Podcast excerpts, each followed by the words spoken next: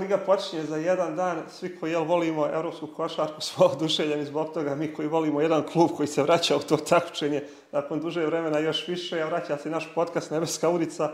Božo, jesu uzbuđen više zbog Euroligi ili podcasta? Definitivno zbog podcasta. Je li ništa Euroliga? Po Euroligu. Ja sam ljubitelj ovog drugog kluba, pa smo mi navikli malo na to.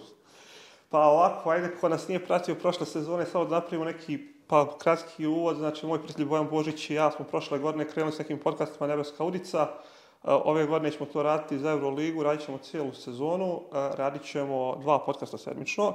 Srijedom, uglavnom će srijedom, kad nisu dupla kola, izlaziti podcast najave kola.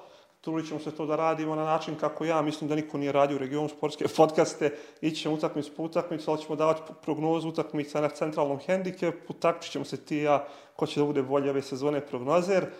Eh, kroz te, jeli, ajde da kažemo, prognoze ćemo da radimo eh, najave tih utakmica, a ono što je pa najbitnije možda u cijeloj priči, svi koji nas gledate, imate priliku da učestvujete sa nama u tim prognozama, u komentaru na YouTube-u, možete da pronaćete u opisu podcasta svih devet utakmica sa centralnim hendikepom, iskopirate to, u komentaru prognozirate hendikep 1 ili hendikep 2, onaj ko pogodi svih devet prognoza dobija evroligašku loptu original od nas, znači pogodite svih devet prognoza u hendikepu i javite nas u sljedećem podcastu, imate original loptu. Ako se desi da imamo dva ili više ljudi koji će da pogodi svih devet utakmica, onda ćemo da izlačimo jel dobitnika.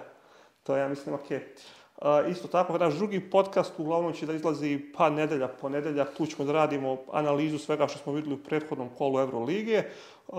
radit ćemo analizu utakmica, ne ni na svih, uvijek ćemo se na 3-4 utakmice, ono da ih stručno izanaliziramo. Naćemo neke teme dana, izjave sedmice, imamo mi neke naše rubrike koje smo spremili, tako da manje više to je to za neku najavu. Mislim, nisam ništa preskočio, Božo. Mislim da je to to, sve si otprilike rekao. I da na, kraju svakog podcasta ovog najava ćemo da stavimo, da kažemo koji su nam tri najsigurnije utakmice ko voli da se kladi, mi ne volimo, jel? Ja definitivno ne. Ajde, možemo, možemo da krenemo onda pa redom, pa ćemo da manje više onda ovaj, da pokažemo šta to radimo prva utakmica koja otvara ovu sezonu Euroligije u četvrtak, mislim u 8 sati da igraju Acel i Milano. Između ostalog tema dana će da bude u našim analizama kola i moja prva tema dana će da najavim da budu ovi nakaradni termini Eurolige. jer imamo prvi dan pet utakmica koji se preklapaju što je stvarno...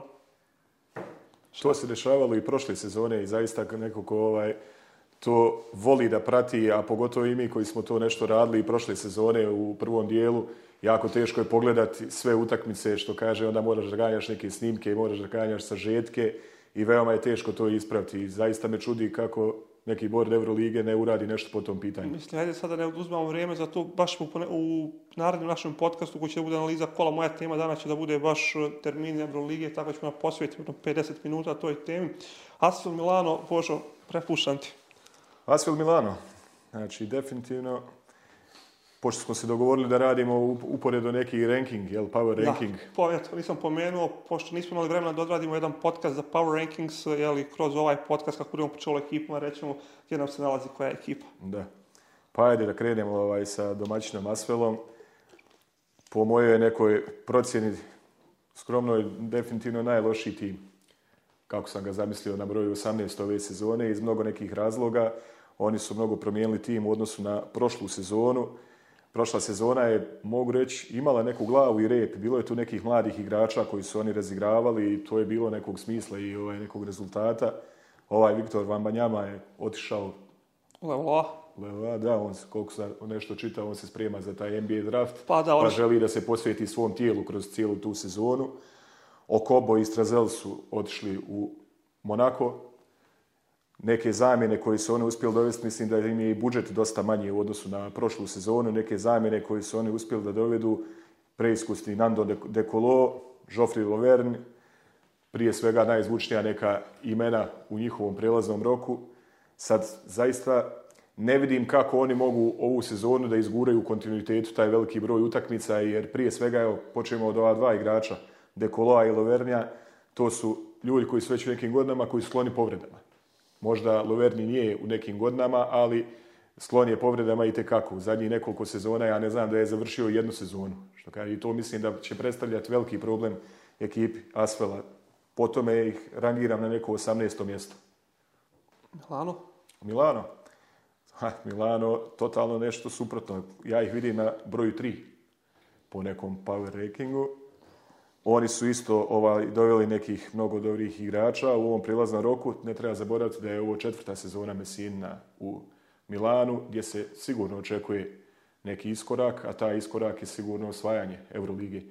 I ja ih mogu da kažem da ih mogu vidjeti i da osvoje to ove sezone, jer su se zaista dobro pojačali nekim igračima. Ovaj, prije svega Kevin Pengus je taj neki koji je zamijenio neke playmakere koji su oni imali prošle sezone u vidu Delinija i ovoga Serđa, jel? Rodrigueza. Rodrigueza, da. Totalno drugačiji igrač koji će njima dati širinu na to što imaju i ono što je još bitno što su doveli i Brendona Davisa na poziciji 5 koji je već igrao s njim, kako se ne varam u Žalgirisu kad su oni imali onu sezonu, jel?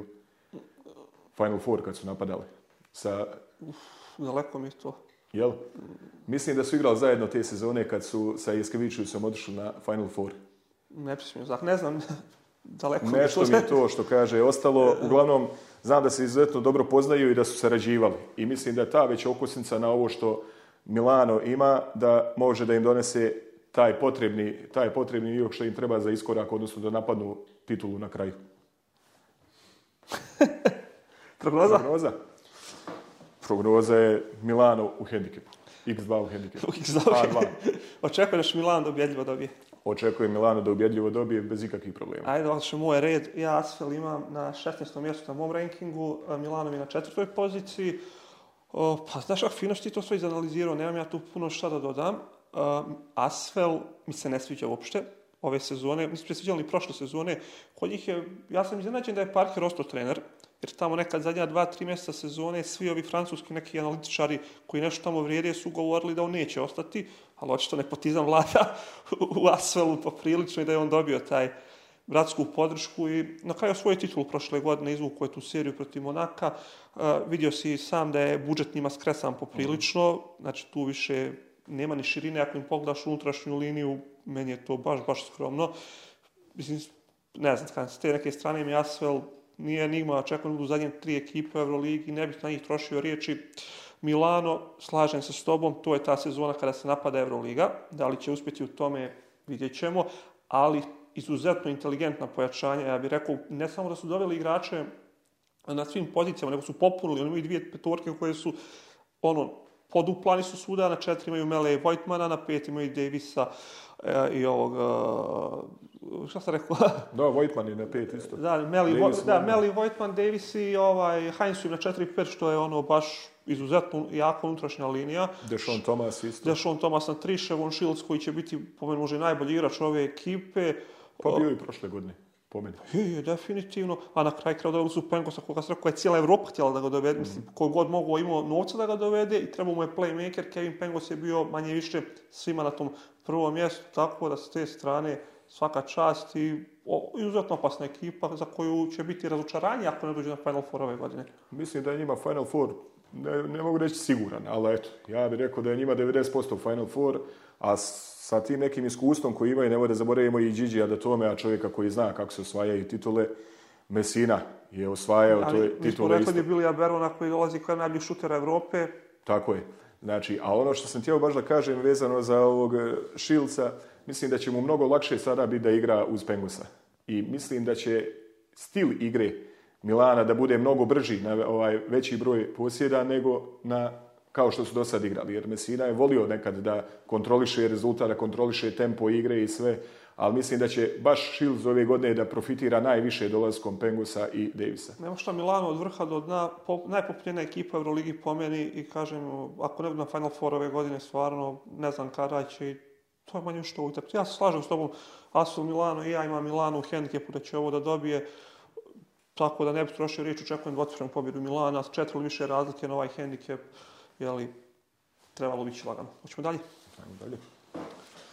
Druga utakmica u četvrtak, jedan od derbija prvog kola Euroligije, Panathinaikos Real Madrid u Atini, ko ću ja prvu da krenem sad ovo, može. Panathinikos Real Madrid, kada se pojavile kvote za utakmicu, ja sjećam prije 20 dana, sam baš gledao kad su došle kvote, ono, koja je najinteresantnija utakmica za klađenje, i kad sam vidio handicap 6,5 na Panathinikos u tom trenutku, pa je posle pao, mi je djelovalo, ono, zakucan handicap kids, pa se neće izgubiti, ono, sviđali smo Panathinikos ove sezone, sve što su oni uradili tokom ljeta, meni je samo treba strpljenje, da je na ne bude, što se kaže, udario po kidaču, već u novijem raku bude neka serija 4-5 poraza, kako on zna, Dejan radonić pa ono, ja stvarno Gotovin Dejana Radonjića, koliko jedan navijač Partizana da gotovi nekog bišeg trenera Zvezde, znači ima veliko poštovanje prema njegovom radu, mislim da izuzetno zaslužuje to mjesto koje je dobio u Panathinaikosu. Doveli su Grigoni sa jednog od mene omljenih igrača, čak sam se iznenadio kad je Panatnikos potpisao Grigonis, ako se sjećaš, prije dve sezone u Žalgirisu, meni je Grigonis bio najbolji krilni igrač Euroligije uz Lučića, riješio 3-4 utakmice svojim šutem u zadnjoj sekundi, 15 pojena u prosjeku, otišao u CSKA, malo su ga povrede isekla prošle godine i sve to, ali opet kad sam vidio da je Panatnikos potpisao Grigonisa, da nije otišao u neku ekipu koja teži da igra Final Four ili tako nešto, tako da mislim da je ovo možda i najveća krađa ove godišnje Euroligaške pijace, da je Panathinaikos uspio da privoli jednog takvog igrača. Njima će veliki problem da bude što se Wolters povredio. Oni pravu zamenu tu po meni nemaju. Perisli je tu jedini manje više alternativa. Tu Andrews koji je došao iz Burse. Doveli su pointku naknadno. Unutrašnja linija je isto malo problematična. Nemaju širine unutrašnje linije osim Papajanisa i Williamsa. Ostatak mi ne leži. Tako da Panathinaikos se u nekoj e, perspektivi sviđa. To neće izgledati dobro na početku jer nema Voltersa, nemaš playmakera, treba će Radonjiću vrijeme da on postavi svoj sistem kako je to inače činio, tako da moja prognoza za ovu utakmicu ipak je 2 na Real i pobjeda Reala sa šest ili više razlike, znači mislim da je Real u ovom trenutku puno bolji, pokazali ste super kupu Španije koliko su opasni što su bili bez par igrača, Real je odradio preko, ljeta sve što je trebao, zadržali su sve igrače, pazi ekipa koja je bila na jednu loptu od euroligaške titule je zadržala sve igrače i na to su doveli Musu Hezonju i Rodrigeza, tri izuzetna igrača i to se već vidjelo u kupu. E, mislim da je Real ove sezone strah i trepet. Još nisam rekao, Real mi na prvom mjestu na power rankingsu, Panathinaikos imam na 11. poziciji i tu je manje više tu za utak ne ništa više dodao. Pa Real dobija šest ili više radske moja prognoza. Sa tvojom prognozom se slažem, mada ja ovaj, Panathinaikos ove sezone ne vidim toliko visoko, baš zbog tih nekih rebuildinga i dolaska Deje radonića mislim da će biti potrebno vrijeme ovaj, da on uvjeri taj svoj sistem koji je donosio rezultate, recimo u Zvijezdi. Ovaj, smo da kažemo da je tu došao i ponitka poslije sjajnog ovog evropskog prvenstva. Pomenuo, pomenuo ja. A jesi, dobro. Ovaj, ne vidim, kažem ti njih, mislim da su napadački limitirani i tekako. A da defanzivno to nisu baš takvi igrači koji mogu u kontinuitetu da peglaju odbranu ono što Deo Radonjić voli. Da, jest, ponitka je najrovo klasični. On će od njega vjerovato pokušati da napravi nekog mini Kalinića i sve ostalo, da ga ispušta, da igre leđima na male igrače, da krpi te neke pozicije sa strane pomoći, ali generalno meni se taj tim nešto ne dopada, tako da ne vidim ih nešto visoko, moj, što kaže rating za njih je 14. mjesto. S druge strane, Real Madrid, slažem se s tobom što se tiče tog tima. Oni su bukvalno isto tako popunjeni na svim pozicijama. Musa i mislim da su sjajno legli toj ekipi. Mnogi se nekako pitali kako će Hezonja da reaguje na te svoje uloge, da jedno već igra 30 minuta, da drugo već igra 5 minuta, da li je on, što se kaže, spreman na takve stvari, ali mislim da uz te neke veterane koje ima u smislu Rudija, Ljulja i Serđa i ostalih, da će to leći, zaista ih vidim kao broj jedan. Pa Vlasuš nije tu. Pablo Laso nije tu da, ali taj neki njihov sistem igre nije puno promijenjen. I sad, šta se može desiti na toj utakmici? Deo Radonjić će sigurno ići da njih uspori maksimalno. Znači da im taj njihov ritam igre uspori, niti on ima toliku širinu u rotaciji da on može da se ganja s njima. Ako god se ganja sa Realom, ne prolazi dobro. Ovi prije svega sigurno će ići na veći broj posjeda, tako ko uspije nešto tu da nametne, ali mislim da isto slažem s tomom H2, znači da to Real dobija u hendikepu. Znači što je manje više to. Ovoj utakmici idemo na treću utakmicu u četvrtak. Makabi Žalgiris. Makabi je po bookmakerima favorit za 8,5 poena. Hajde da se nasložimo jednu utakmicu, valjda red. Hoćeš ti prvi? Ajde, ovaj, pazi, Makabi je ekipa koja se ne sviđa već godinama zbog konstantnog rebuildinga. Svake sezone ljudi promijene minimum 10 igrača kao što su i ove sezone. A to mi djeluje, ajde sad ove godine nešto malo manje u odnosu na ranije sezone, ljudi dovedu deset naj, najboljih skorera koji nađu na tržištu. I kako onda mogu znači, da uklope to? Jedna je bukvalno lopta, svi postaju nezadovoljni nakon drugog, trećeg kola, svi misle da su oni ti koji treba da imaju najviše loptu u rukama, prevlada neki ego, tako da ja njih unazad nekoliko sezona uopšte ne vidim kao ozbiljnu ekipu. Ali kad pogledamo ta imena koja su dovele, recimo Lorenzo Brown, poslije sjajne sezone u Unixu i isto tako odličnog europskog prvenstva gdje je ne, pa donio titulu Španiji, sazrio neki, na neku europsku košarku, totalno se navikao i mislim da bi on bio solo sjajno pojačanje. Jedino ono što mi je kako će se on i Wade Baldwin uklopiti zajedno, pošto dva playmakera, dva igrača koja je jedan drugi misle da treba i da vode tim, da dijele minute, ne znam kako će to izgledati. Mislim da njihova igra ove sezone će najviše baš zavisiti od toga. Da li će njih dvojica kliknuti, da li njih dvojica mogu da nađu nešto da se nadopunjuju, da u nekim situacijama igraju i u paru, to nije je apsolutno sporno, ali mislim da će najviše zavisiti ako uspiju da i taj ego, da nađu to neke svoje uloge u svemu tome, mislim da oni mogu da naprave dobar rezultat. Ono što mi je drago što je iz Zvezde došao Austin Hollings kod njih, Naravno, nije im drago što je otišao iz Zvijezde, ali što je naplatio tu dobru sezonu iz, ovaj, iz igara u Zvijezdinom dresu. On je igrač koji može tu mnogo toga da njima napravi. Znači, defanzivno svi znamo kakav je on, da je jedan od najboljih defanzivaca na svojoj poziciji u Europi. Čovjek kojem će sigurno više odgovarati stil igre u Makabiju, to je neki run and gun, pretpostavljam da će ovaj, biti to je možda nešto što je njemu falilo na početku sezone, prošle sezone u Zvijezdi, gdje se on više tražio kroz na igru i trebalo mu malo više vremena, napadački govorim, da on tu klikne. Mislim da ove sezone apsolutno neće imati taj problem u Makabiju i njih gledam kao neke, recimo po rankingu, broj 9.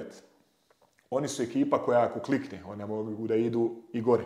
Mogu da idu recimo od šestog do desetog mjesta, to je sve otvoreno što se mene tiče ali neka prošlost i nešto je pokazalo, a iskreno ne vjerujem nešto da tu nešto kataš previše može njih da smiri, da ih uklopi. Jednostavno, mislim da ih vidim tu negdje na broju devet što se njih tiče. Žalgiris? Žalgiris. Žalgiris ekipa koja je sastavljena od nekih igrača, iskreno da ti kažem, pola njihovog tima nije dobro ni za Eurokupa, kamol za Euroligu to će se vrti. da šta je njima najveće pojačanje, Roland Smith koji je role player neki bio i u Barsi i ovo, ovaj, kak se zove mali Evans što je igrao i za Keu. U našem komšiluku. Jest, što je igrao za Keu. Pazi, ja ne vidim da to mogu da budu neki nosioci igre na evroligaškom nivou. Svaka čast. Sad koliko će se Kalijetis i ovaj Letkevičius oznojiti uz njih, ne vidim ih kao nešto ozbiljno i svrstavam ih na broj 17. Prognoza? Prognoza pobjeda Makabija u hendikepu. neću više razlike. E, to je to, ne slažemo se na prvoj. Prva koja se ne slažemo. E, Makabi Žalgiris. Hm, hm. Makabi, ovo što je Makabi uradio u prvim danima prijelaznog roka u Euroligi, ja ne znam što ikad desilo. Ljudi su dobili 11 igrača, za, ako ne manje od 11 pa, To, je ono, znači bukvalno neki nisu doveli dva igrača, Makabi je promijenio cijelu ekipu, promijenio trenera, to je... I kako ih onda može ozbiljno shvatiti?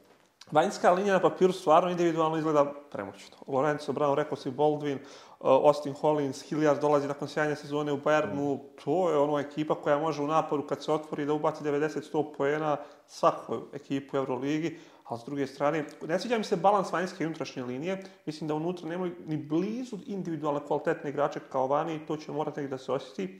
Rekao si ti Kataš, nema evroligaško iskustvo, čovjek je vodio nešto malo Panathinaikos, mislim da je bio Makav još jednom karijeristu, nešto kratko, to, ta, toliko ega da se neko stavi u poziciju tima nije lako, ok, bit će pomoći David Blac je tu sada kao konsultant, što je fina vijest za Makavi, ali ja ove sezone Makavi isto kao ti sam skeptik, neki ljudi su ih vide u play-offu zbog svega toga, ja ne, meni su na 12. mjestu u power rankingsu, ali ajde da vidimo što se kaže, nije lako igrati lavu, ono, puna, puna dvorana, to je baš ono što se Žalgirisa tiče, podrum Evrolige, 18. mjesto, još jedna, još jedna fina tema da pričamo o njoj u nekom narednih sedmica u našoj analizi kola, kako je moguće da ekipa ovako slaba individualno uopšte učestvuje u Euroligi, imamo neke znači, ove godine dvije, tri ekipe, kao što smo i prošle sezone imali, koje kvalitetom nisu ni u 25, ni u 30 možda u Evropi, i onda koliko besmisleno te licence postaju kada daš neku licencu na 10 godina, a on dođe u situaciju kako je došao Panathinaikos, ono jedan period prije dvije, tri sezone,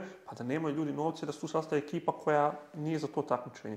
Pogledaš Žalgiris, ok, Kina Evans, sam se rekao, Čovjek igrao ABA ligu prije dvije, tri sezone i nije bio dominantan u ABA ligi. Mhm. Ok, solidna sezona u Makabiju i sad od njega se očekuje da bude lider ovog napada Žalgirisa. Ok, Brazdikis dolazi iz NBA lige, pa poprilično dobro evropsko prvenstvo, ja bih rekao koliko je moglo da bude dobro u odnosu, pošto Litvanja sve živo izgubila što je mogla da izgubi na ovom prvenstvu. Unutra Kevarius Hayes koji je došao iz Bursa Spora, Šmica si ti pomenuo, ja ne znam stvarno, ako oni budu bolje plasni od 18. mjeseca, to će da bude uspjeh pomen. Znači, mogu da dohvate 16. mjesto, pošto imaju još dvije ekipe koje su tu kritične, Asfel i ovaj uh, e, Baskonija, ali Žalgiris mi je potpuni podrum, ali ja očekujem prvo kolo Euroligije, očekujem da Makabi dobije, ali ne devet ili više razlike, rekao sam ti, ne vjerujem Makabiju, prvo je kolo, ne znamo kako će to izgledati, i onda mi nekako opet, ajde da kažem, sigurnije da uzmemo hendikep po ekipu za koju imam već 8,5 pojena u startu, znači ne bi bila senzacija da Žalgiris čak i ovo dobije samo zato što je prvo kolo i što ne znam kako će izgledati danas ovih igrača u Makabiju, tako da iz neke predostrožnosti ja uzmem hendikep Bojko ovdje. Dobro, znaš kako, ovaj, evo kod mene je baš recimo nešto suprotno. Toliko mi se ne sviđa Žalgiris i toliko mislim kao što sam rekao da nemaju kvaliteta, da nisu u ne u 18, nego možda u 25 najboljih ekipa u Europi. A s druge strane, kad pogledaš taj individualni kvalitet Makabija, tu bukvalno dva igrača mogu da ih nabiju 30 razlike. Yes. Hajde, ja, ja vjerujem u Brazdikiseve tri trojke, 10 pojena Evansa da će nekako da pokriti ih 8,5 hendikepa. Ono, jedna dobra četvrtina dobiju pet razlike i mislim da je to okej. Okay.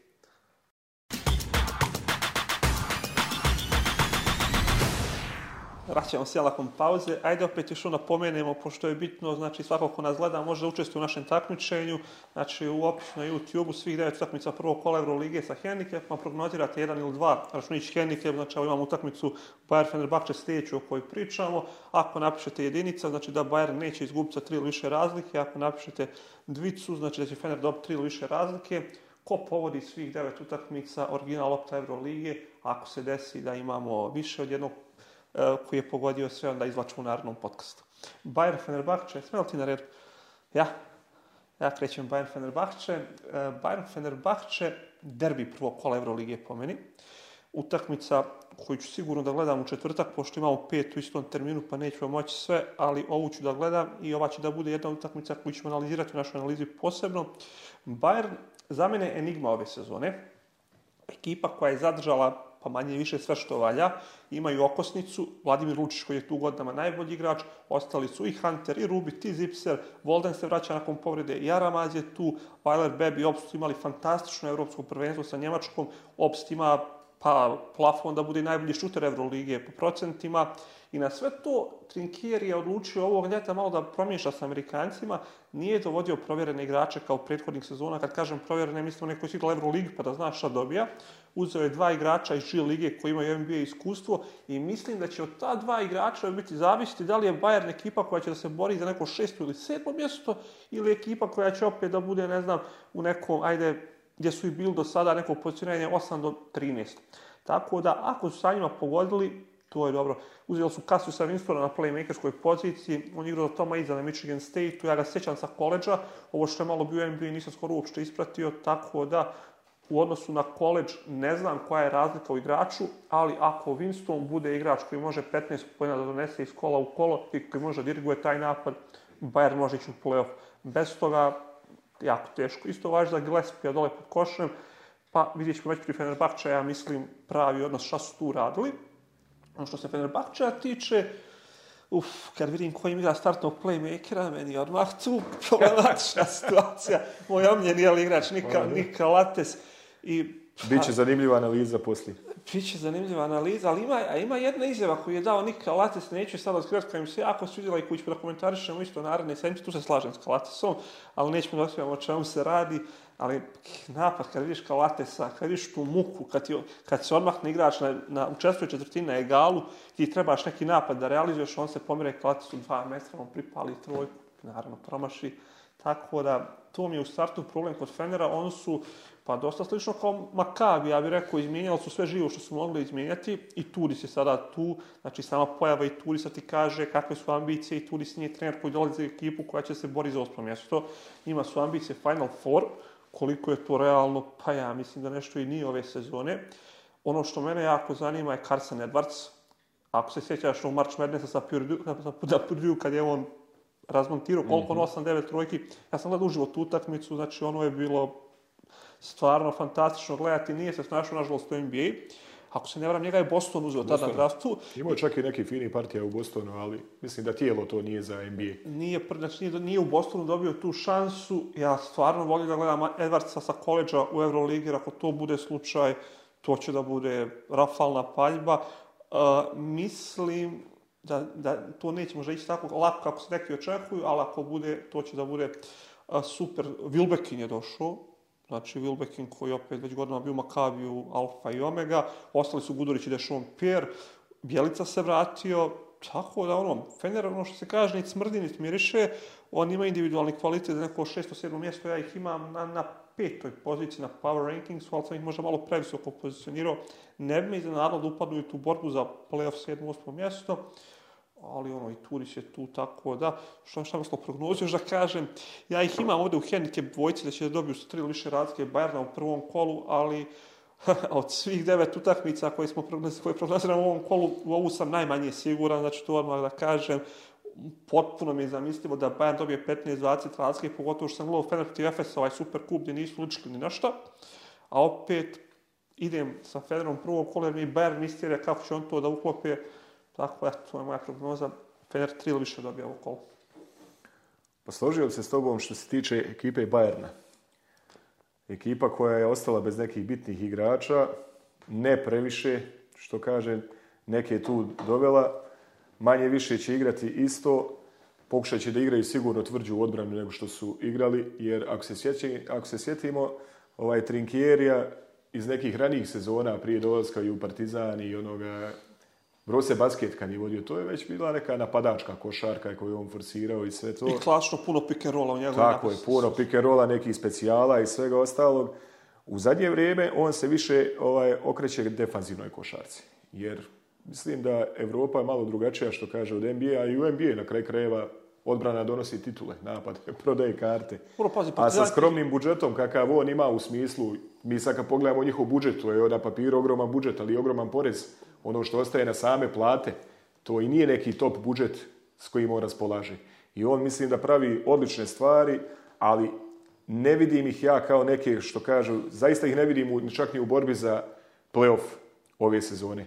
Čast, što kaže Trinkieriju, on je zaista jedan stručnjak vrhunski koji izlači preko 50% sigurno od svojih igrača i na osnovu njegovog kvalitetnog rada i te neke harizme koje on posjeduje, on izlači iz igrača sigurno više.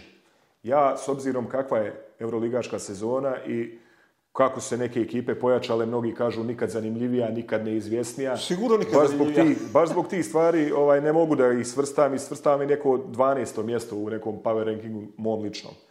U što kažeš, pričali smo ono tipa od 6. do 12. mjesta. Dvije utakmice. Dvije utakmice, jedna ne daj Bože povreda, Nadamo se da ova korona iza nas, da o njoj više ne trebamo ni razmišljati, a mnogo nekih stvari, znači, mora da se poklepi, tako da se tu vrlo stvari neke mogu ukrenuti.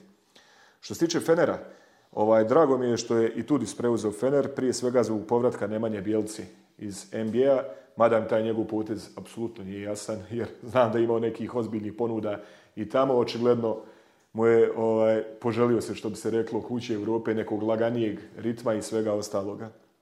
Kad smo kod Golden State, Rokovnik, da. Golden State. A, dobro. Fan NBA prije svega. Ovaj, ono što je bitno po meni, i Tudi da, ima novu ekipu. Slažem se s tobom, znači Nika Lates, neko koga može iskoristiti, koga ga poznaje i kroz reprezentaciju i sve. Sigurno će iskoristiti napadačke sposobnosti Scottija Vilbekina i Edvarca ono što ja vidim, odnosno što znam i što je neko prošlo vrijeme pokazalo kod Itudisa, to je jedan od najboljih trenera koji se prilagodi svojoj trenutnoj ekipi koji ima. Za razliku od recimo nekih trenera Šaruna Sejskeviću sa kojeg ćemo spomenuti kad dođe Tema Barcelona. Dana, izjava. kad dođe Barcelona, znači čovjek voli te neke stvari, šablo, neki njegov samo sistem igre i uopšte teško odstupa od svog sistema igre. Za razliku od njega i Turis je totalno drugačiji. On se prilagodi ekipi koju ima. I mislim da je to sjajno u samom startu ove prve sezone njegove ere u Feneru. I ne vidim da će oni baš prve sezone odmah napadati Final Four, odnosno naravno on će imati ambicije za to, kao i svi. I sama ta pojačanja i ti igrači, kad ih pogledaš po imenima, sigurno da su oni pretendenti na Final Four i da se ne zadovoljavaju ničim manjim od toga. Ali nije katastrofa što kaže, ako se oni budu tu negdje borili za taj neki playoff i kroz playoff ne da ispadnu i ne, ne, ne dođu jednostavno do Final Foura. Mislim da je njima potrebno vrijeme, ali da će njima puno manje vremena biti potrebno recimo nego nekim drugim ekipama kao recimo Makabiju što smo sad spominjali koji je ušao u neki rebuilding baš zbog tog iskustva i Turisa i koji zna i kako se osvajaju titule i kako se ti prepoznaju sistemi pravi za igrače.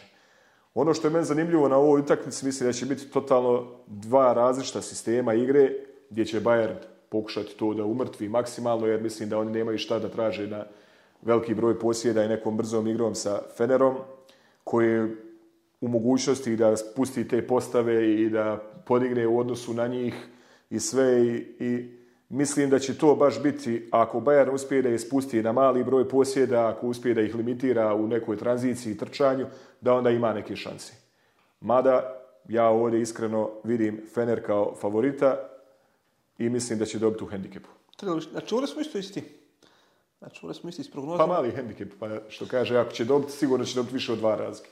E, ja ne znam da li sam rekao za Bayern, za Power Rankings, meni je Bayern na desetom mjestu, sad ne mogu da se da sam rekao, ali eto ne ostane upisano. Idemo dalje. E, meni je na sedmom, mislim da nisam to spomenuo. E, četvrtak, najgora utakmica okola. U, ovo će da bude jako ružno da gledati Valencija, Baskonija, dvije ekipe u dvije ekipe kojim se nimalo ne sviđaju, pogotovo Baskonija. Sve što sam rekao za Žalgiris, Baskonija pa puta dva. Znači, zadnje tri sezone, ovo što Baskonija sastavlja i što ima u ekipi, to je, znači, da se mora zapisati na papir, jako teško zapamti sve njihove igrače, jer tu dosta igrača koji s Euroligom nisu imali nikakve dodirne tačke. Ok, sad sam gledao utakmicu protiv Unikahe u NDS ligi, zatrpali su ih trojkama, ubacili su 15-16 trojki, bar sam vidio kako će Baskonja da igra ove godine. Znači, kad i krene trojka, spašavaj se ko može, ali to će da krene četiri puta u sezoni. Tako da, Euroliga, Bodiroga i to novo rukovodstvo mora da pronađe neki sistem, makar kada isteknu ove desetogodišnje licence, puno je deset godina dati nekoj ekipi da igra Euroligu, jer ti imaš Baskonju zadnje tri sezone, što je katastrofa. Nije taj nivo, oni u Španiji nisu top 6 ekipa. Znači u Španiji imaš ekipe koje igraju FIBA ligu šampiona, Tenerife, pa ne znam, Gran Canaria, Eurocup, Juventud, prošle godine da ne govorimo, koje su puno, puno bolje od Basku. I sad ti očekuješ da će on nešto naprave, neće.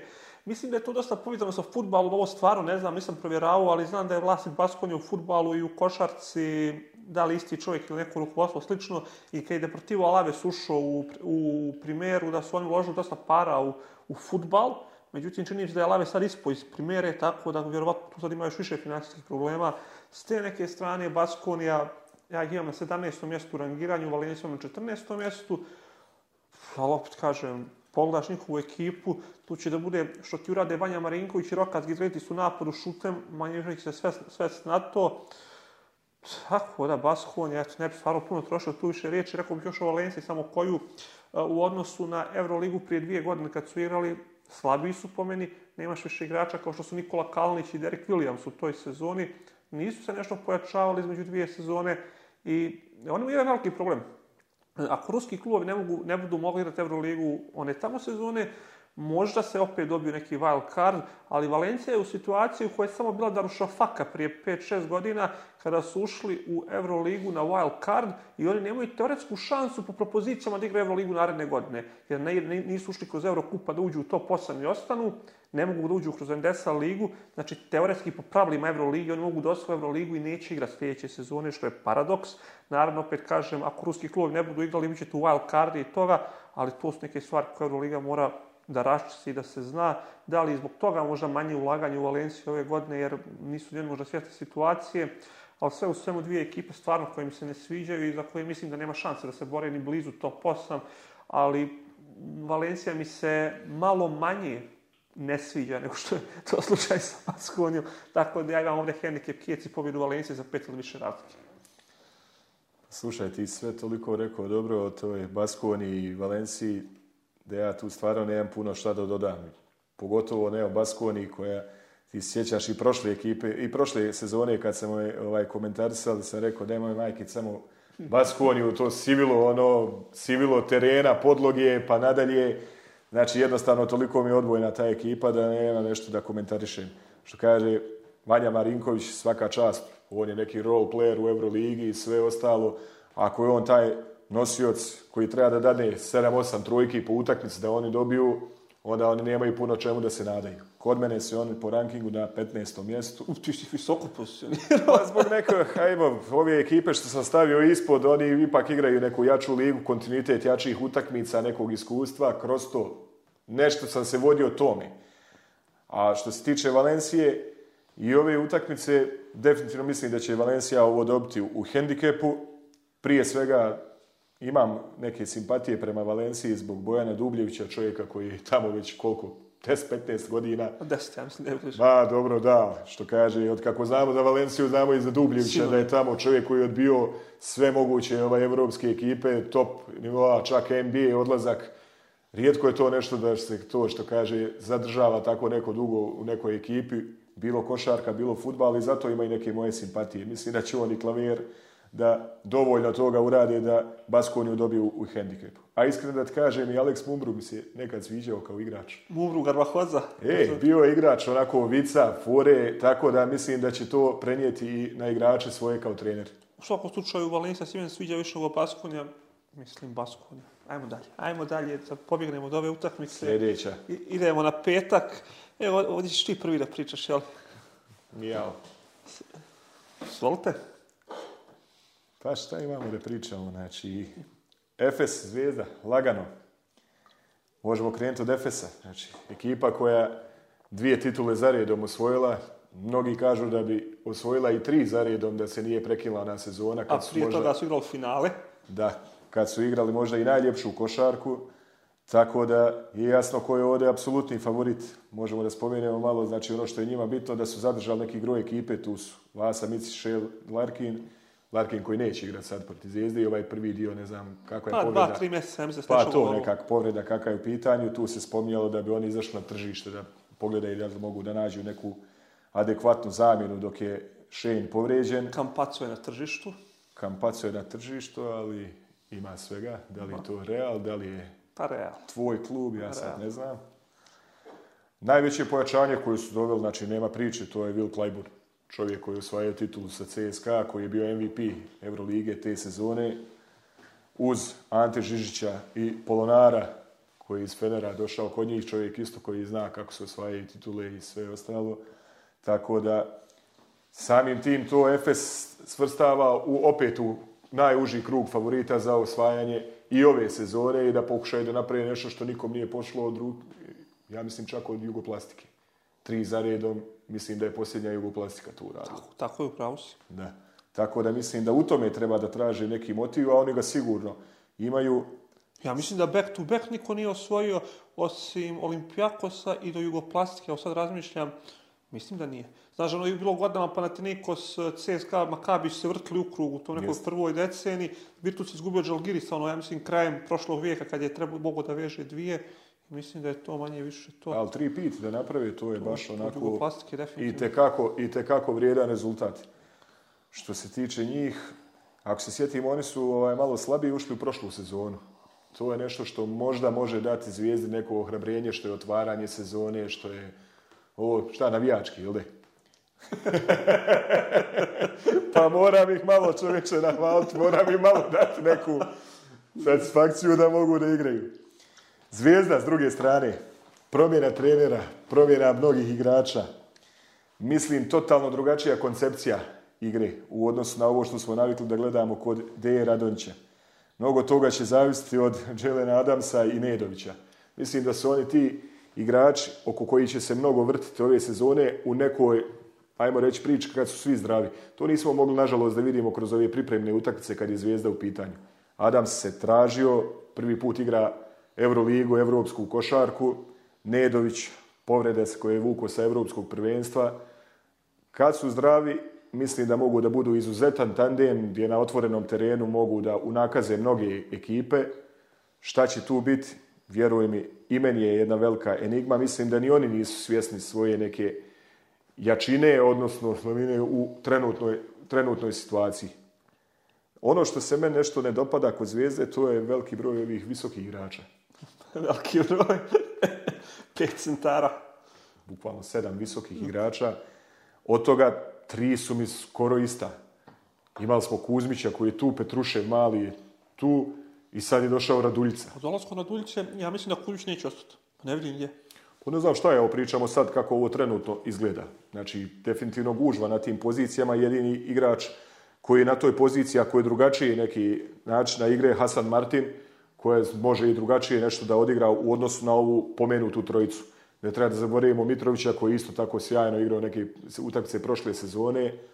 Tako da mislim da je tu malo neka gužva. Šta su htjeli tim da dobiju, vjerujem da oni znaju, meni to nije jasno.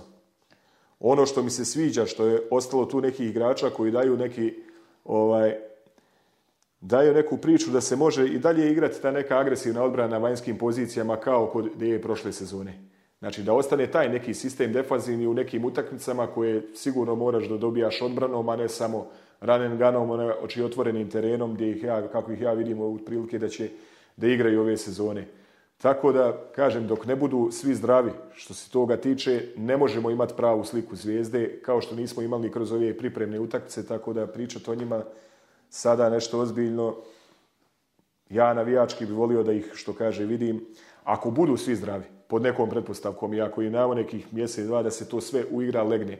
Mislim da ta ekipa ima potencijal da napravi neke mnoge stvari.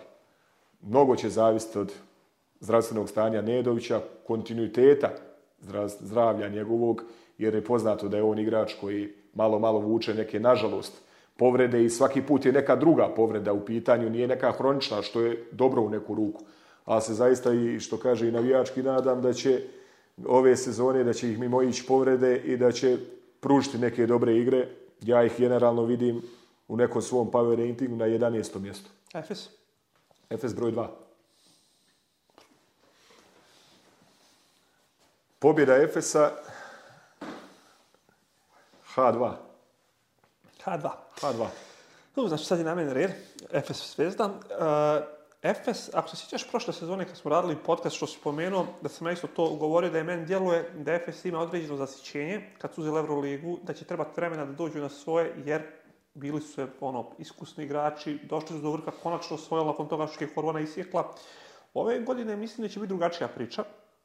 Oni su promijenili puno igrača, rekao si ti, zadržali su gro tima, ono što je vrijedilo Larkin, Micić, Elijah Bryant, Brian Dunstone, Boboa. znači pet igrača i ovih par domaćih su zadržali koji nose taj Tibor Tibor Plajs, bravo. Sam rekao Dunstone, jesam? Da.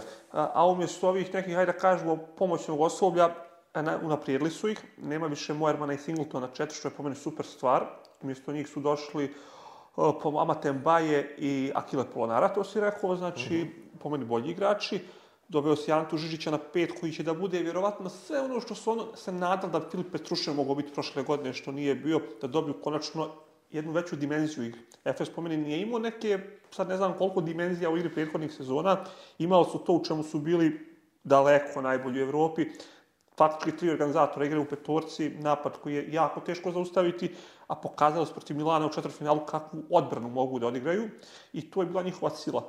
A sad dobijaš i Žižića, pored svega toga dobijaš i igrača unutra koji može da stavi 15-20 pojena, koji može da kontroliše reket. Znači sad će Ataman da ima situaciju u kojoj može da igra različite petorke i različite načine napada i tako da ja ne vjerujem da će Efes da bude uopšte slabiji i mislim da im se neće desiti to od prošle sezone, taj slabiji start, jer svi ti igrači koji su došli, pa i Klajbur naravno, dolaze u ekipu koja je dva puta zastupno bila šampion Evrope, gdje su ambicije najveće moguće i bit će željni dokazivanje od samog početka.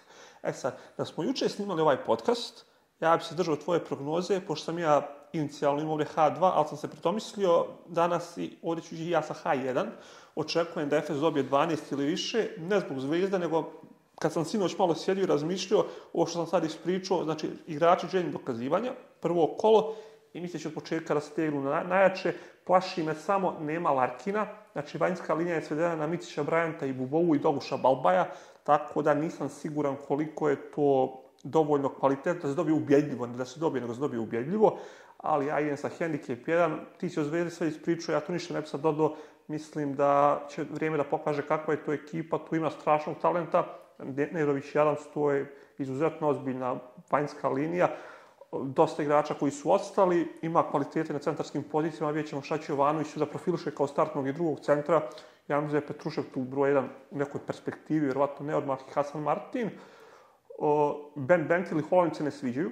To su dva igrača za koja mi je čudno da ih je potpisala Bentil mi se kao igrač nesviđa godinama u Euroligi, ono, mrcina od 2-0, 5-2-0-6, kada se samo izvlači i šuca trojke, u reketu ga nema uopšte, ja ne volim takve igrače.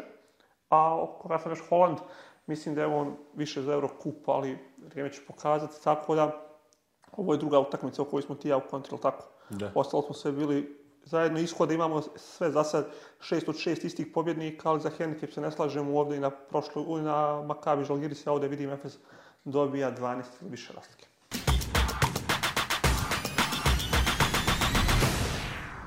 Vraćamo se nakon kratke pauze. Ajde da pomenemo još jednom, da ne budemo više previše dosadni, ali pošto je prvi podcast, bolje da pomenemo više puta, za sve utakmice svakog kola Eurolige ćemo da prognoziramo na centralni hendikep ishode, znači to onaj gdje bookmakeri stavi kvotu 1.85, imate u našem opisu kanala svih devet utakmica, to je opisu podcasta, iskopirate u komentar, stavite kjece ili dvojku, onaj ko, dva su uslova da učestvujete, da dobijete evroligašku loptu, jedan je da povodite svih devet utakmica u Handicapu i da subscribeujete naš kanal, ako ne subscribeujete kanal ne ulazite u konkurenciju za nagradu, znači povodite svih devet, lopta je vaša, ako se desi da ne imamo dva dva čovjeka koja će da povore svi igre utakmicu u hendikepu, onda ćemo da izlačimo ili ako bude 3, 4 više.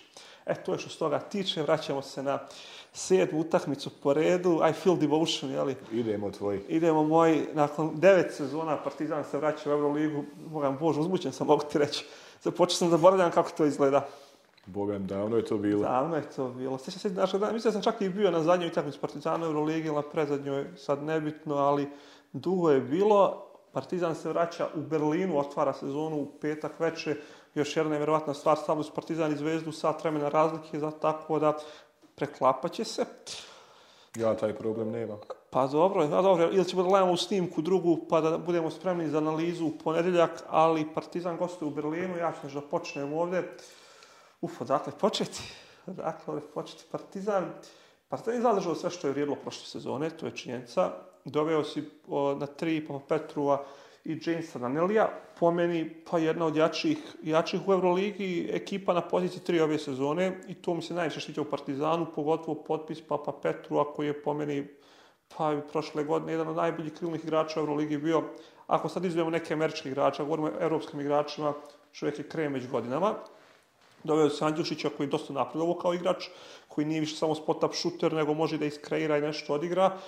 Dante Exum, velika misterija, ja bih rekao, zato što ga zove na poziciju playmakera, gdje tek treba da se vidi da li će Exum da bude to što se svi nadamo da će da bude, ako ne, Partizan će morati izaći na tržište. E, problem Partizana nije dovedena adekvatna, adekvatan igraš na poziciji 5. Ja mislim da je za Euroligu, mislim za Euroligu. E, ako želiš da budeš, ne znam, 12 Euroligi, da sve sve zadovoljiš samo učešćem, sasvim okej. Vjerovatno Partizan i ne treba da ima veće ambicije od toga ove sezone, vraćaš se nakon devet godina, znači prvi cilj koji bi trebao biti da osvojiš neku domaću titulu jer tu kaskaš već godinama, a ligu nisi osvojio deset sezona, Mislim da je tu ove sezone prvi prioritet za Partizan, a što se kaže u Euroligi, ako se nešto napravi, napravi. E, da li će se centar dovesti, ne znam, ali za Euroligu ja mislim ovo pretanko. Na poziciji četiri isto Lede i Vukčević nije to pogotovo što Lede ne djeluje kao igrač za startnu poziciju, pogotovo u zadnje vrijeme. Vidjeli smo protiv Cibone, nije dobio neku minutažu što je Željko ga izvukao nakon jako lošeg početka. I prvo kolo u Berlinu gdje ideš mnoge ekipi koja je najmanje mijenjala u između dvije sezone. Alba je jedina ekipa koja je samo, ostala bez samo jednog igrača, od Oskar Silva u Barcelonu. Umjesto njega je došao ovaj Vencel iz Baskonje i uzeli su ovog talenta što je u Fortitudu igrao Procida, ili kako se već zove... Mm. Što... nikad Procida, nema. Ne, Procida, Procida što je bio... Gabriel. Ne, li se izgovara Procida, ili Procida što je igrao u Fortitudu, mislim da je yes, da je ove godine NBA draftu. E, tako da, bit će težak zadatak. E, Alba se meni jako sviđa kao ekipa, vidio sam mnoga rangiranja gdje ljudi vide Albu na zadnji, čak i na zadnjem mjestu ja ih imam na 13. poziciji i ne bi me iznenadilo da budu i puno bolji od toga ekipa koja je prošle godine bila koja 11. 12. koja je već tri godine u zasnu šampion Njemačke. Ako neko ima sistem u Euroligi, ima Alba, zna se kako oni igraju i strašno su igrali. Ja ne vidim kako jedna takva ekipa može da bude u zadnjih pet pozicija, jer ima i slabijih od njih. A ne bi me šokiralo da budu iza to poslovno do kraja. Znači, ono, ako imam nekog Dark Horsa ove godine u Euroligi, da može, da prebaciti očekivanja, to mi je Alba, ali opet, to će se vrijeme da pokaže. Jak su, vanjskoj liniji Mao Dolo, izvanredno europsko prvenstvo, Jelin Smith vrlo dobar za Hrvatsku, z i Vlacu prošle godine dobro, unutra imaš igrača, tima nisu dolazi posle dobrog prvenstva. Albu će mnogi ove godine da pocijene i mnogi kad budu vidjeli Albu u kalendaru ove sezone će da kažu, e mi njih moramo dobiti. Znači ovih šest nekih najgorih ekipa Euroligije tipa, ne znam, Asfalt Žalgiris će reći, pa čekaj, ako ne možemo dobiti Albu na svom terenu, koga ćemo da dobijemo? A ovi neki middle timovi tipa Monaco, Virtus, Partizan, makar će pa čekaj, ako hoćemo u playoff da idemo, mi ne smijemo izgubiti od Albu ove sezone. Alba, ja mislim, puno bolja ekipa od toga što neki da očekuju. Tako da, ostala je prognoza, ja ću da kažem, Partizan je na devetom mjestu u Power Rankingsu. E sad, jel, ko nas bude gledao sa Twittera, strah je ovoj prognozi, jel, moje za prvu utakmicu, ali možda obradujem ljude, jedan imam kjeca ovdje. Ja očekujem da Alba pobjedi Partizan u prvom kolu. Mislim da je ekipa koja Partizanu koncepcijski ne leži. Prošle sezone Partizan ima u Europi jako velikih problema sa ekipama koje mogu da igraju u brzom ritmu. Ako sjetiš da u Eurokupu, pa i Turk Telekoma negdje u Ankari, generalno ekipe koje mogu da ubrzaju, koje mogu da puste taj protok i da šutiraju u, u, tranziciji Partizanu, teško će odgovarati ovo utakmica koja može lako da završi tipa 92-86, znači veliki broj poena, ali ja mislim da Partizan neće dobiti u prvom kola Euroleague. Pa ne bi se ja puno oko Albe zadržavao, ja za razliku od tebe njih vidim na 16. mjestu u nekom svom power ratingu slažem se s tobom da oni nisu puno mijenjali. Ne znam da li spomenuo, mislim da nije spomenuo igrača koji se meni izuzetno sviđa kod njih, Klub Sigma. Ovaj, kažem, ne vidim ih nešto gore.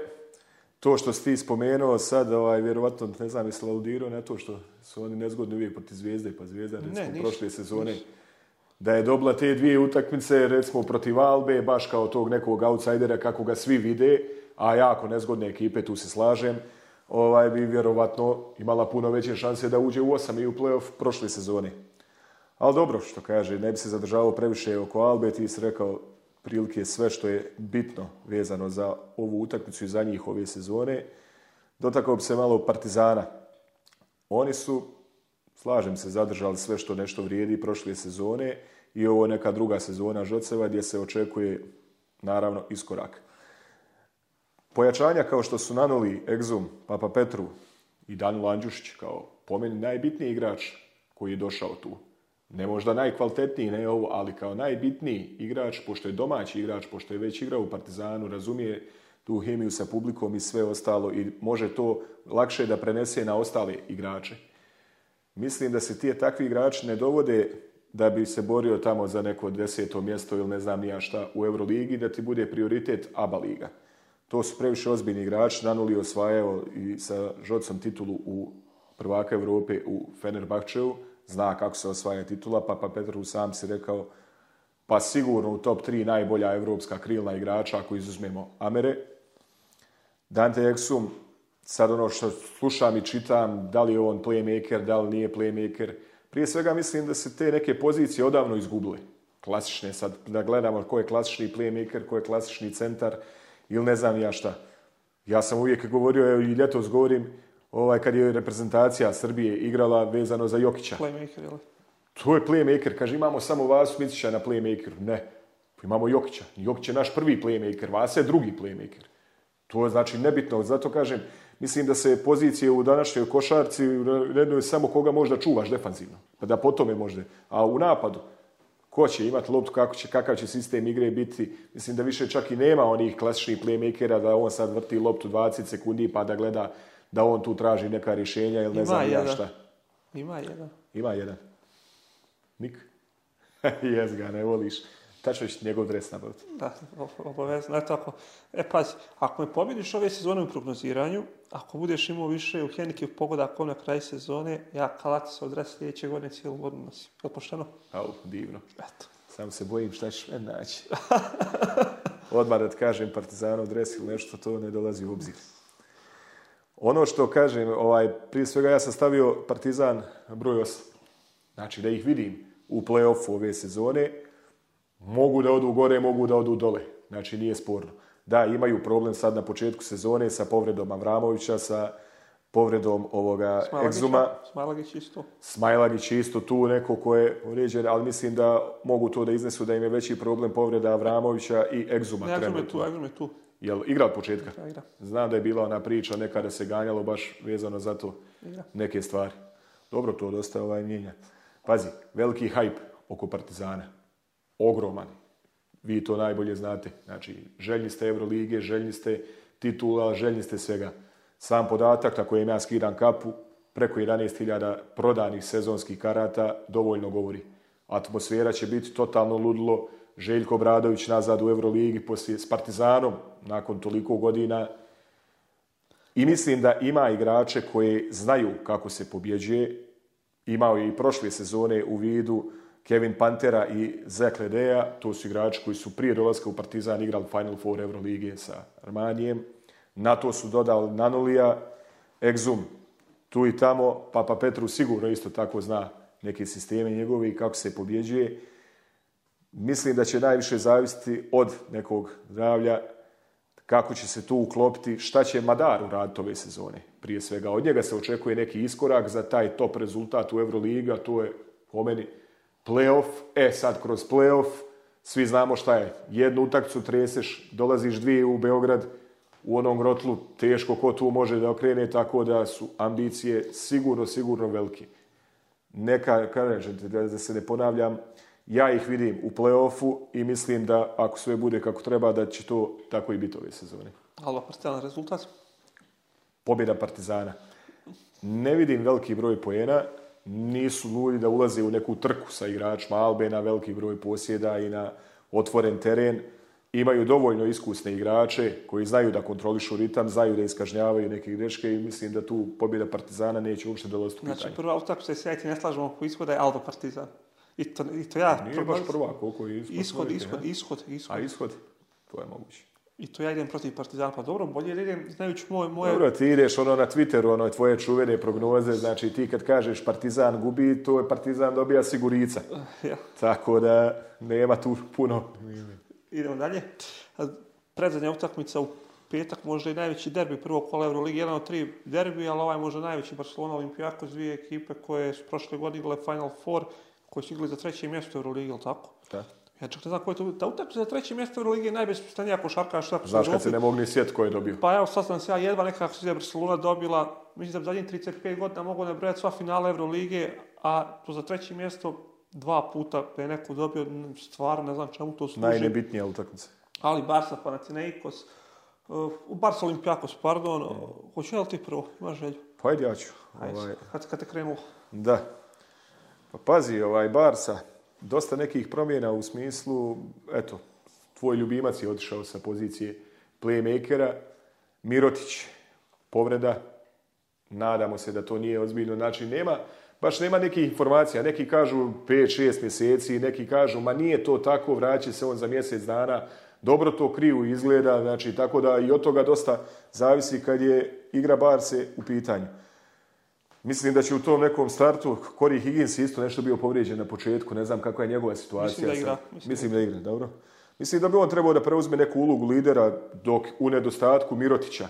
Mislim da Satoranski tu isto da će da bude flor general, što bi rekli tu. Pazi, ja njega ne vidim baš kao tog nekog flor generala, pogotovo ne sad u početku kad je došao tu. Ono što njemu ide u prilog, sjajan igrač, igrao je isto tu prije odlaska u NBA, ono što im ide u prilog što je uz njega došao Jan Veseli s kojim je sjajno sređivo i u reprezentaciji i sigurno se dobro poznaju i odmah je ta okusnica, odmah je igra drugačija, lakše im je da se prilagode, što se kaže, ostalima. Ali ovaj, ono što se meni već dugo ne sviđa kod Barse i što mislim da ih je najveći problem njihovih veoma bitnih utakmica, tih nekih finala, Final forova i svega ostaloga, je ta tvrdoglavost i se. Mislim da je to njima najveća kočnica vezano za taj neki top rezultat i mislim da je mu ovo isto tako zadnja šansa da osvoji Euroligu. Jer pazi, kod njega nema ono e Final Four, e finale.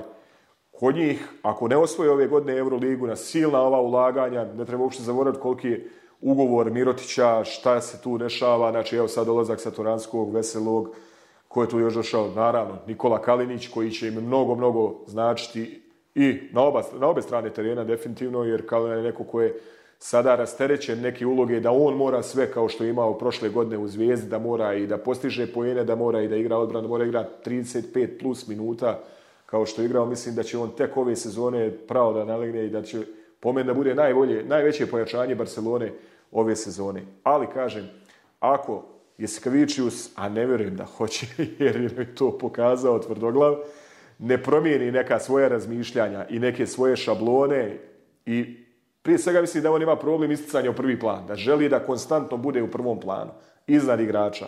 I da je to najveći problem što se tiče Barcelone u tim nekim bitnim situacijama, bitnim utakmicama. Njih sam stavio baš zbog tih nekih stvari, promjene prvog playmakera, visokog, ajde, te neke povrede satoranskog na četvrto mjesto po rankingu. Što se tiče Olimpijakosa, Olimpijakos je manje više isto zadržao neki groj ekipe, Imamo tu naravno Vezenkova, ovaj Shaquille Mekinis dobro igra s naravno, veteran, ovaj P, kost, Papa Nikolavu, tako? Hoće više polomiti jezike, Papa Petru, Papa Nikolau. Ovaj, njihovo, njihovo ovaj, pomeni najveće pojačanje ove sezone je ovaj Alex Pjedrus iz Baskonije na poziciji četiri, što će mnogo da im donese u nekoj igri, što će da širi reket i da ostavlja mnogo više prostora ovom falu da rješava neke situacije. Mustafa je lik koji se meni izuzetno dopada. Znači, on niti je sjajan napadač, niti je sjajan odbrambeni igrač. Ali sve radi dovoljno dobro za taj neki euroligaški nivo. Čovjek sa 2.19, kad digne ruke, on svima mijenja vrstu šuta. šuta. Znači, samim tim, zajedno.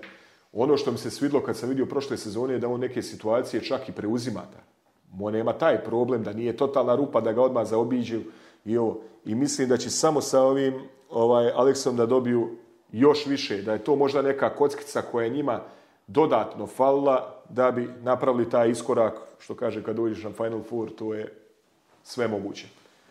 Power ranking broj 5, a ovdje vidim pobjedu Barse, ali H2 handicap pošto si ti sve to fino objasnio, ja se neću puno sad nešto zadržavati ovdje, e, ista mi je prognoza, isto mislim Barca Olimpijako, da će Barca da dobije, ali ne sa osam više razlike, znači 1 do 7. E, malo sam pogledao ovdje istoriju što me zanimalo. Znam da su uvijek dobro igra sa Barcelonom u Blau Granji zadnjih par godina, ali oni stvarno jednu su dobili, jednu su izgubili na produžetak, ja mislim. mm Barcokas je silno motivisan kad igrao protiv Barcelone, pogotovo u Blau grani, zbog svega neke istorije kad je on vodio Barcu i kad je nije dobio vrijeme da on to posloži i Olimpijakos voli. Pa puno pocijenjen trener po meni. Pa, Sjajan pa, trener. Pa, ja mislim, ne znam, lično, ko možda pocijenjuje trener, mislim, može svako da pocijenjuje svakog danas.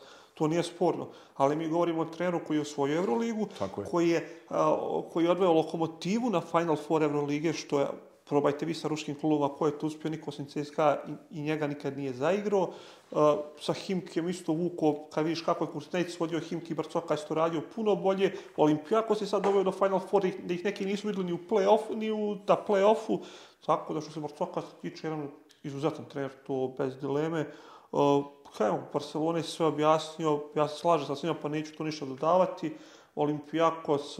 Mene zanima samo ta zamjena, Dorsi je otišao, došao je Izaja Kenan i mhm. može on da popuni tu rupu odlaskom Dorsija koji je bio fenomenalan u, u Olimpijakosu. Svem toga, ja ih imam na Power Rankingsu u šestoj poziciji, bar sam je druga, ali Olimpijakos Znaš, no, kad gledaš istorijski, pa Olimpijakos je prošle godine igrao fantastično, dobra odbrana, zadržan sistem, po svoj nekoj logici, kao slično za Albu, on ne mogu biti loši nego prošle godine. Ali mislim da je konkurencija u Euroligi puno veća nego prošle pa sezone i da, da, će jako teško doći do broja pobjeda do kojeg su došli tada, jer imaš puno jaču od vrha do dna, znači konkurenciju. Tako da ne bi bilo šokantno da Olimpijakos ostane kratak za playoff ove godine, čisto nek ostane kao neki ball prediction.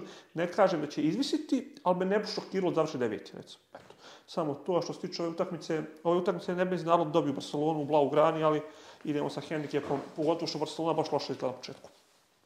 Dobro. I za kraj zatvaramo prvo kolo Euroligije sa jednim pa vrlo interesantnim mečem Virtus i Monaco, dvije ekipe koje su puno uložile, a Virtus se vraća u Euroligu nakon još više vremena nego Partizan, osvojili su Eurocup, Skariolo je tu, e, ekipa koja je pa kad ih pogledaš na papiru ozbiljno, pogledaš vanjsku liniju Teodosić, Heket, Lumberg, Niko Menion, Pajola, eh, kako rekao sam i zaboravio vjerovatno, da idem u Belinelli, Kyle Wims, znači mhm. oni imaju vanjsku liniju 6-7 igrača koji mogu uništiti protivnika i mislim da to ljudi pocenjuju malo u ovim prognozama, nekim dosta ih neko ima nisko 9, 10, 11 mjesto. Ako Teodosić ne bude dugo odsustvovo, a ne znam dokad će da bude out, eh, to može bude problem, ali ako Teo bude od 25-30 takmica ove sezone, pa trebao bi, onda Virtus možda bude i puno ozbiljniji nego što ih mnogi vide i unutra je isto pitanje kad će se vratiti. E, sam Jođela se čini kao izvanredno pojačanje, gledao sam Virtus Milanu u polufinalu Superkupa, razvalio je tu utakmicu. Znaš, ono, jako se često kad dođu igrači iz NBA koji nemaju evropsko iskustvo, postavi se pitanje mogu li oni da naprave razliku ili će biti pet pojena u prosjeku, Ođela će da pravi razliku i možda će da bude jedan najboljih krilnih centara u Euroligi. Tako da Virtus se sviđa, samo mi je to pitanje Teodosić, ako Teodosić nema prva dva mjeseca, napad će da bude manje produktivan, pa igra on 15 ili 25 minuta. Monako, e, vidiš, Monako, hm, Monako kad je počeo da dovodi ove igrače ljetos, ja sam rekao, pa čekaj, ovo ekipa koja može na Final Four da ode. Pogledaš, prošle godine su bili na jednu utakmicu od toga, Mike James, Elio Kobo, Jordan Lloyd, to je puno ozbiljnije nego Mike James, Paris Lee i Dwayne Bacon. Meni se Bacon toliko nije sviđao po nekim drugima. Ovo je puno ozbiljnija vanjska linija, ali Okobo ima loše europsko prvenstvo. Pitanje kakav će se on pojaviti, da će se pojaviti Okobo iz prošle godine ili Okobo sa europskog prvenstva. Doveli su Johna Brauna koji je bio najbolji defanzivac prošle godine u Euroligi i ja mislim da to niko neće poreknuti. Uh, unutra se zadržao i ovog Devona Hola, jel Devon Yes. Sada Donta Hall Devon je u Milanu. Da. E, tako da Monako ima sve što treba za ovdje daleko, ali me brine, znaš gdje smo najslabiji, niti najslabiji, ali Saša Obradović, nisam siguran hoće li moći da ishendluje ekipu koja cilja Final Four. Mislim, Majka Jamesa nisu od Messina i Tudis, znači zato je treba prvo jedan vanserijski psiholog da tu glavu dovede u reda neko šarkaški trener i ambicija Monaka da li će uspjeti da se to izgura. Također pričali smo o Valenciji i mjestu u Euroligi. Virtus i Monako su dva tima koja kroz Eurokup učestvuju u Euroligi. Monako je dalje zadržano to top status. Virtus je ušao znači, po pravilima Euroligije da bi igrali naredne sezone Euroligi moraju da budu u top 8 i da budu bolji jedan od drugog tima. Znači jedan od ova dva tima po pravilima Euroligije neće moći igrati naredne sezone, mada ja očekujem tu da na card upadnu obe ekipe u svakom slučaju, ali eto čisto da pomenemo. I što se tiče prvog kola, ja imam kjeca na Virtusu ovdje, zato što domaća publika, nakon vraćaju se u Euroligu nakon puno godina, hala će da bude puna, širinu imaju veću nego Monako i ajde da stavimo Virtusu kjeca u prvom kolu. Pa dobro, fino ste ovaj, rekao što se tiče Virtusa, sve se manje više slažemo što se njih tiče. Mada ja, zašto ih nisam stavio nešto visoko u ovom rankingu, kod mene su na broju 10. Mene su, samo, ja sam Virtus na osmu poziciju, Monaco mi je na sedmoj poziciji na kraju sezone. Mhm. Kod mene Virtus broj 10, ovaj, zato što mislim da im je previše stara ova vanjska linija. Naš, Heket ima tu 30 plus godina, Bellinelli... 35 plus. Da, malo mlađi od Kastela. Teodosić isto tako, znači ne vidim da to može da igra nekom kontinuitetu toliko jakih utakmica, a da ne bude veliki broj povreda. I zato ne mogu da ih svrstam, znači, gore nešto visoko. Jer ti, kad pogledaš sad po imenima, sjajno, nismo spomenuli Jordan Miki koji je došao na poziciji 5 iz Zenita, sjajan jedan igrač, ne toliko možda ono da ti kažeš da očekuješ od njega 20 pojena svako veče, ali to od njega znaš šta možda očekuješ. Čvrste blokade, rovokopač, onaj klasični skok ovaj, siguran. Tako da kad bi pogledali ono po imenima što se kaže, ono, to je sigurno playoff ekipa. Ali ono što mene lično brine u svoj toj priči je taj njihov prosjek godina. Nadam se što kaže, ako ostanu zdravi, da mogu da napadnu playoff definitivno. Ko zna kako se sezona odvija, možda i nešto više. Tako da ne znam šta bi ti rekao. Sigurno jedna stvar, za, tu je vodi ih majstor koji je pokazao šta i kako može. Sigurno da sakrije neke njihove nedostatke kroz tu starost u vanjskoj liniji i možda malo sporije noge već u nekim situacijama. Sigurno on to može bolje da sakrije kroz neke svoje kombinovane i zonske odbrane, tako da i tu očekujem mnogo nekih zanimljivih utakmica kad je Virtus u pitanju. S druge strane, onako, oni su baš onako Ma svi su X faktor, što bi se reklo. Najveći X faktor toga svega, svi znamo, je Mike James. Znači, kako će on uspjeti da...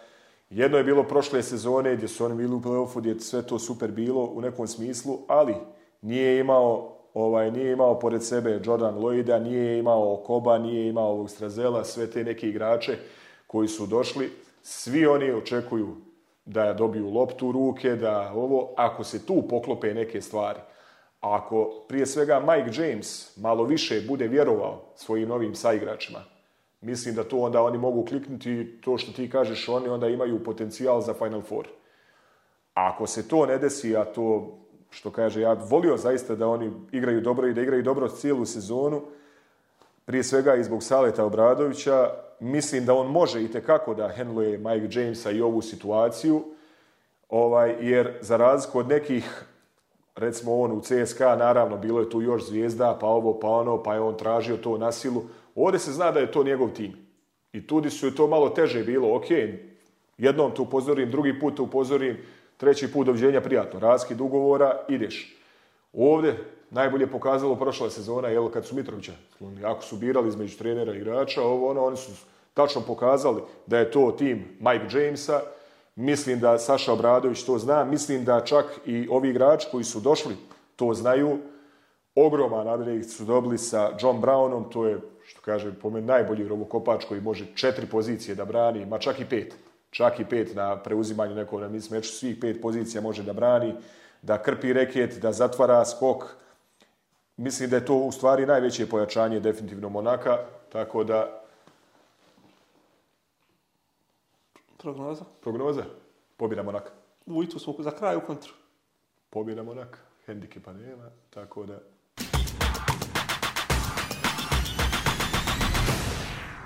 Za kraj, znači svak, na kraju svake najave kola, kad prođemo svih devet prognoza, znači računat naše, našu statistiku u tri kategorije, koliko smo pogodili tačnih ishoda, utakmica, hendikep i pravit ćemo tri najsigurnija meča za prognoziranje u ovom kolu na hendikepu ja ću prvi, ajde, moj prvi najsigurniji meč za klađenje ove sedmice Milano dobio Asfel četiri više razlike i mislim da je Asfel previše, previše da će uvijek biti silom na početku da dobiju, tako da moja prva Milano četiri više pobjeda. Pa moja prva sigurica, što bi se reklo, je, pobjeda Reala nad Panathinaikosom u hendikepu. Ja isto imam pobjedu Reala, šest više razlike, tako da tu ajde, imat ćemo jednu istu, pa nemam to sve, ajmo dalje onda tu pobjeda Makabija nad Želgirsom u hendikepu. Znači tamo gdje sam ja igrao malo prije kontru imaš i najsigurniju 9 plus mm, Makabi. I moja treća je e, e, pobjeda Albe pri Partizana. Znači ja mislim da stvarno do prvog kola, tako da nadam se da sam u krivu, ali jel idemo, idem nekim svojim realnim razmišljanjem pa ćemo da vidimo. Moja treća je Barca Olimpijakos, H2 da Olimpijakos neće izgubiti Žeros. znači manje više prošli smo pa sve, meni je stvarno bilo interesantno, nadam se tebi sigurno i nekoga koji su gledali. Ajde, ponovimo samo još jednom za kraj. Znači, svake sedmice možete da i vi dobijete originalnu roligašku loptu ako prognozirate sa nama. Dva su uslova. Prvi da se subscribe na kanal, drugi da imate u opisu ovog YouTube-a svih devet utakmica sa hendikepom, iskopirate paste u komentari, i prognozirate kjeci dvojku u hendikepu. Znači, pogodite svih devet, dobijate roligašku loptu. Ako se desi da imamo više ljudi koji su pogodili, izlačimo u podcastu. Eto, manje više to je to. Naravno, druženje zakazujemo za vikend kad ćemo da analiziramo sve što smo vidjeli u prvom kolu uz nekoliko interesantnih rubrika koji ćemo imati svake service O tome, jel, više sljedećih puta taj podcast će da bude, jeli, pa vjerojatno ponedljak na YouTube kanalu, tako da zapratite nas i budite u toku, veselimo se Euroligi. Bože, zadaš nešto? Sija. Pa,